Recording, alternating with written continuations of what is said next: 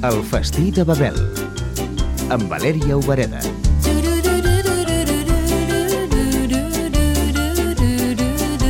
La cuina mexicana es caracteritza per la varietat, o sigui, la varietat en tot. L'Irma Madrid va néixer a Ciutat de Mèxic i fa 12 anys que és a Catalunya. En colors, en ingredients, en sabors, en maneres de cuinar, en tot. És, és molt, molt, molta varietat. Porque van a hacer pollitos en arroz. Yo a los pollos les aviso para que corran la voz. La gastronomia forma part de la vostra cultura. Gran part de la vida social i de les relacions familiars giren en torno al, al menjar. Fins i tot les, les celebracions com el Dia de Muertos, no? per nosaltres és molt important que en l'altar que, que fem a, als nostres morts hi hagin tots aquests eh, menjars que més els agradaven. El xile és una de les claus de la gastronomia mexicana. A Mèxic el xile és un ingredient bàsic. Quan parem taula ja, una cosa que no pot faltar mai és una salsa picant, no?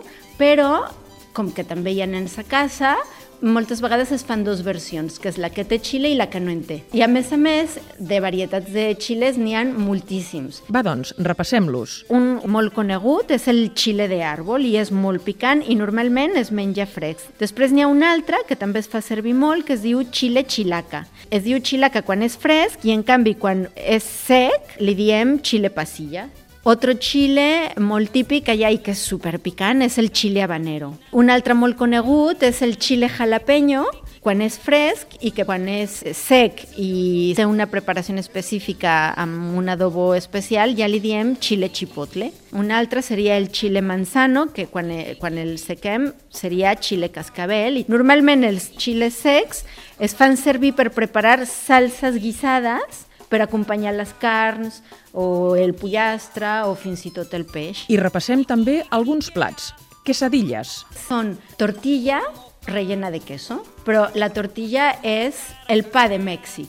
Es fa a, a base d'una massa de maïs i n'hi ha de molts colors, de molts tamanys. Guacamole. És aguacate a trossos, trinxem una mica amb, el, amb la forquilla també posem tomate, que a Mèxic li diem jitomate. Aquest és el tomate vermell, amb ceba i una herba que es diu cilantro. Tot això ben picat i gotetes de limó, que el, la lima també no falta mai. Mole. És una salsa feta a base de xocolata, de algunes varietats de chiles secos, de ametlles, cacauets i moltes espècies. Eh, queda com una salsa de color fosc el menú.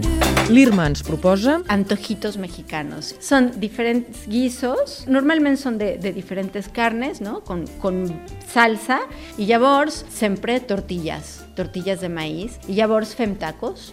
Sempre hi ha um, el guacamole i també posaria quesadillas, que les quesadillas no falten mai. Bon profit, Irma. Buen provecho.